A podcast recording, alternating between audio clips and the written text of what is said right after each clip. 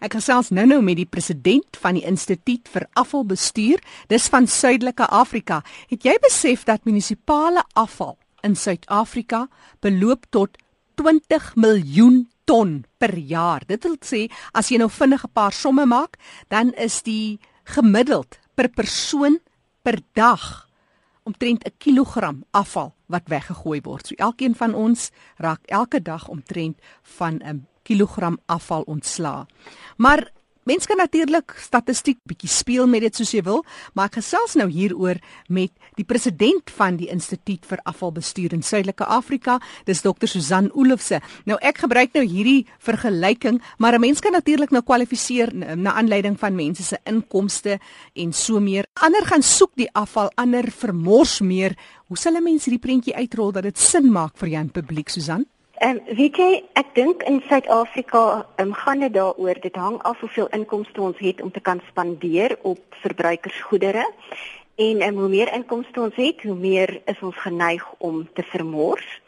So by die hoër inkomste groepe kry ons party mense wat tot oor die 2 kg per persoon per dag afval genereer, terwyl in die laer inkomste groepe waar mense hulle sente moet omdraai, is hulle ook meer geneig om afval eerder te hergebruik wat hulle kan. En daarom is die prentjie aan hulle kant heelwat anders en is dit ehm um, partykeer selfs net 500 gram afval wat weggegooi word. Maar ongelukkig is ons ook in 'n ekonomie wat besig is om te groei.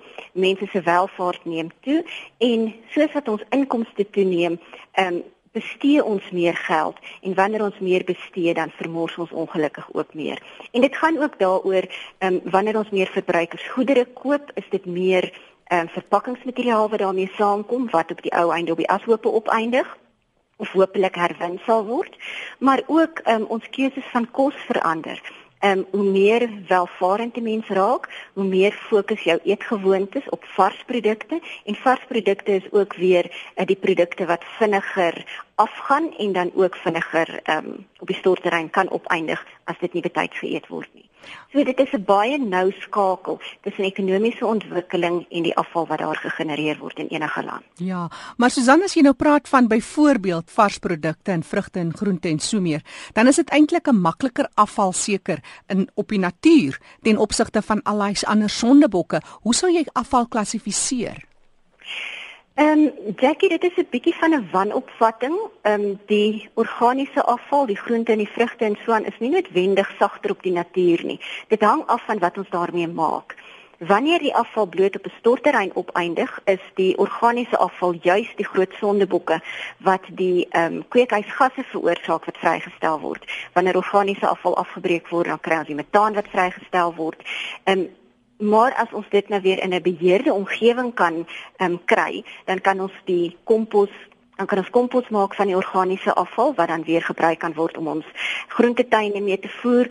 Hmm. Dit is basies 'n 'n anaerobiese reaktor waarin die afval dan onder gekontroleerde toestande afgebreek word en dan kan 'n mens die metaan wat afkom as gas vasvang wat dan weer gebruik kan word om energie op te wek. So daar is verskeie maniere hoe ons die impak op die omgewing kan verminder. As ons kyk na die ander afvalstrome soos die plastiek en die papier, um, dan is dit definitief aan te beveel dat ons daardie afvalstrome stuur vir herwinning, want deur die afvalstroom te herwin, um, spaar ons nie net spasie op die stortterrein nie, maar ons spaar ook die ontginning van natuurlike hulpbronne. Ons hoef nie bome af te kap om papier te maak as ons papier kan herwin nie. En ek weet nie of mense bewus is daarvan nie, maar plastiek is eintlik 'n byproduk van olie.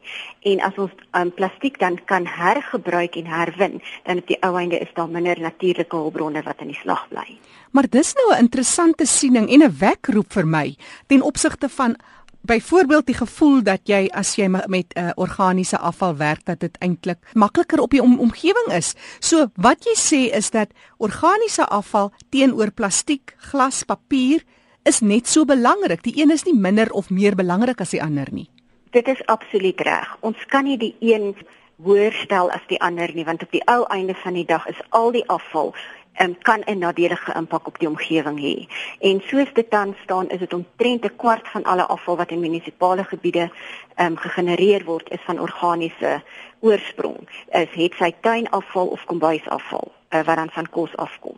So ons moet maar baie versigtig wees oor wat hmm. ons daarmee maak. Eerste prys natuurlik altyd is as ons eie kompos kan begin vervaardig in ons eie tuin wat ons dan weer kan gebruik op ons uh, persele, maar ek weet dit is ook nie altyd moontlik nie. Mm. Ons erwe is nie noodwendig groot genoeg om groentetuine aan te lê aan waar ons dan weer die kompos kan gebruik nie.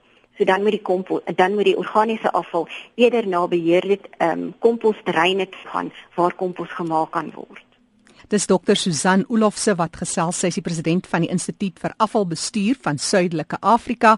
Susan, en as 'n mens nou kyk na afvalbestuur teenoor byvoorbeeld iets soos elektrisiteitsverbruik, Ek het al gehoor mense sê man, as ek nou my krag afsit, dit maak nie so groot verskil in huishoudings nie. Dis industrie wat eintlik die groot sonnebokke is, maar met afvalbestuur tel elke bietjie sekerlik. Absoluut. Ehm um, ek dink anderster as die geval met elektrisiteit en so aan waar dit net ons eie huishouding is wat regtig geraak word, ehm um, as dit afgesny word, het ons afval ook 'n impak op ons bure as ons ons eie afval wat ons genereer nie behoorlik bestuur en beheer nie, dan kry ons dat die rotte en die vliee en die pla inkom wat dan weer nadelige impakte op ons bure se gesondheid ook kan hê. So as ons afval nie goed bestuur nie, het ons 'n impak op onsself maar ook op ons direkte bure. En dit is hoekom dit so belangrik is dat ons afval behoorlik bestuur. Ehm um, so 'n paar jaar gelede was daar groot stories van die reuse rotte wat in Alexandra hier by Johannesburg ehm um, aan mense begin vreet het. En dit het opslaag gemaak, maar die wortel van die kwaad daar was afval wat nie reg bestuur was nie. Omdat die afval, die organiese afval, ehm um, onnadenkend net in die veld gestort is, het dit die plaag veroorsaak wat op die ou einde die mense bedreig het.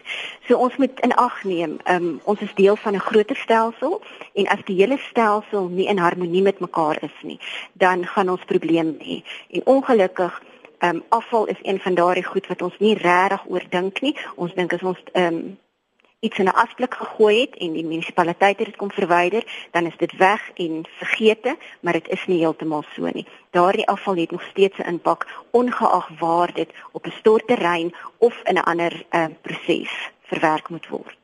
Susan, julle het juis einde van die jaar, so in Oktober se kant is daar 'n interessante konferensie wat kyk nie net na Suidelike Afrika, maar die hele industrie van afvalbestuur op die Afrika kontinent. Temas soos die waarde daarvan, die groei daarvan, die volhoubaarheid van afval en afvalbestuur. Vertel ons 'n bietjie meer daaroor. Ehm um, ja, ons is eintlik baie opgewonde daaroor. Ehm um, dit is die grootste, belangrikste konferensie wat die Instituut vir Afvalbestuur reël, is WasteCon.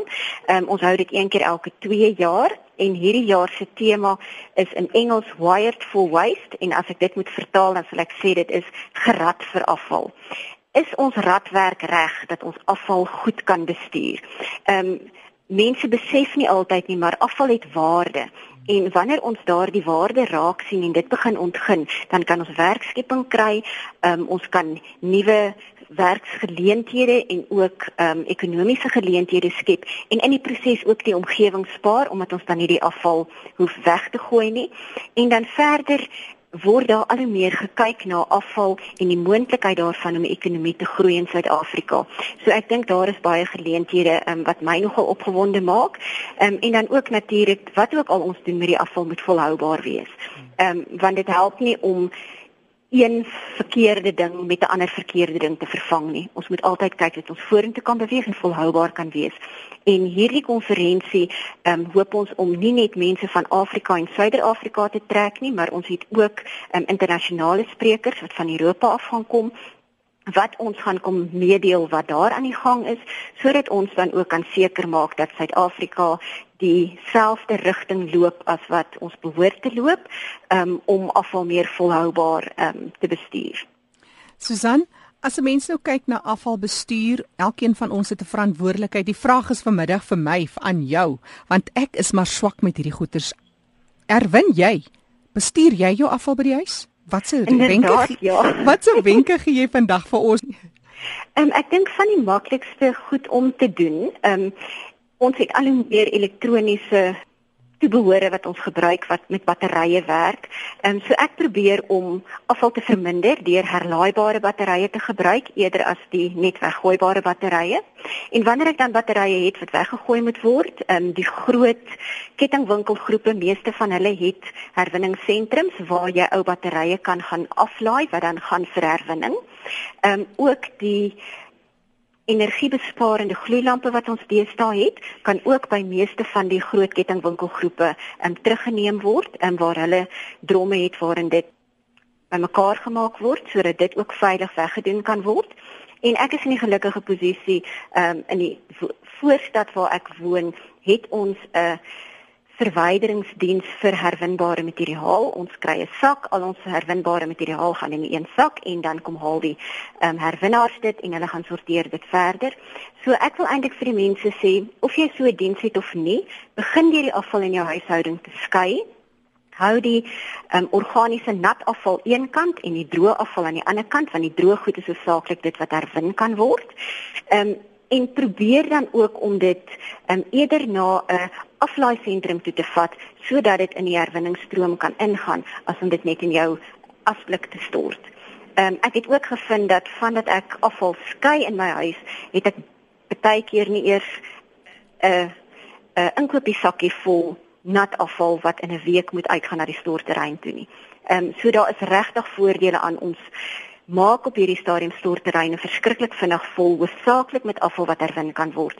En daarom wil ek mense vra om meer bewus te raak en doen jou deel. Hmm. Elke bietjie help. En as mense nog praat van afvalbestuur dan jy nog die hele kwessie van terreine, ashope en so meer wat ook bestuur moet word en dit, die wêreld raak net voller met ontwikkeling en so meer. Dit is inderdaad so en mense verkeer ook onder die wanindruk dat om vullis op 'n ashoop te stort nie eintlik geld kos nie. Maar dit is nie waar nie. Daar is eintlik baie groot kostes verbonde daaraan om 'n stortterrein volhoubaar en volgens reëls te reguleer en te bestuur. Ehm um, so 'n stortterrein om aan omgewingswetgewing te voldoen, moet sekere belyners in hê om die ontwerp daarvan te doen is nie goedkoop nie en dan het ons duur toerusting nodig om die afval te kompakteer op die terrein sodat ons die maksimum gebruik daaruit kan kry. Daar is dekmateriaal wat ingebring moet word sodat die afval elke dag toegemaak kan word om die peste en die pla weg te hou en daardie goed kos geld. Um, en dan natuurlik weet ons almal dat storterreine normaalweg omheind moet wees, daar sekuriteitspersoneel wat daar moet wees. So om afval te bestuur is nie 'n goedkope ehm um, transaksie nie. En ons vergeet baie keer dat die kostes wat ons betaal vir die tariewe vir die munisipaliteit is nie noodwendig 'n direkte refleksie van die koste wat daaraan verbonde is om daardie afval volhoubaar te bestuur nie. Susan vir mense wat wil meer kyk oor afvalbestuur, wenke hoe om jou afval beter te herwin, te bestuur, byvoorbeeld kompos te kan maak, het jy sulke inligting op die webtuiste? Daar is inligting op ons webblad. Uh, mense kan gerus gaan kyk by die instituut se uh, webblad www.ivmsa.co.za. En dan wil ek nog 'n webblad gee wat ook baie handig is. As mense afval wil skei en nie weet waar hulle die afval kan gaan weggooi nie, dan kan jy gerus gaan kyk by www.mywaste.co.za www.co.za as jy op daardie webblad ingaan en jy tik in die tipe afval wat jy wil wegdoen en jou eie adres dan gaan jy sien waar is die naaste aflaaipunt waarheen jy jou vullis kan neem. En daar sal seker ook 'n uh, eh, skakels wees na ander interessante en julle webtuiste die konferensie en so meer. Inderdaad ja, op ons um, op die instituut se se webblad is daar 'n hele paar interessante skakels na verskillende um, herwinningsorganisasies toe as ook na ons konferensie webblad toe. En die skakel vir My Waste is ook op ons webblad. So uh, net weer julle webtuiste is www.iwmsa. Waarvoor staan hierdie IWMSA? Institute Waste Management South Africa. So dis iwmsa.co.za.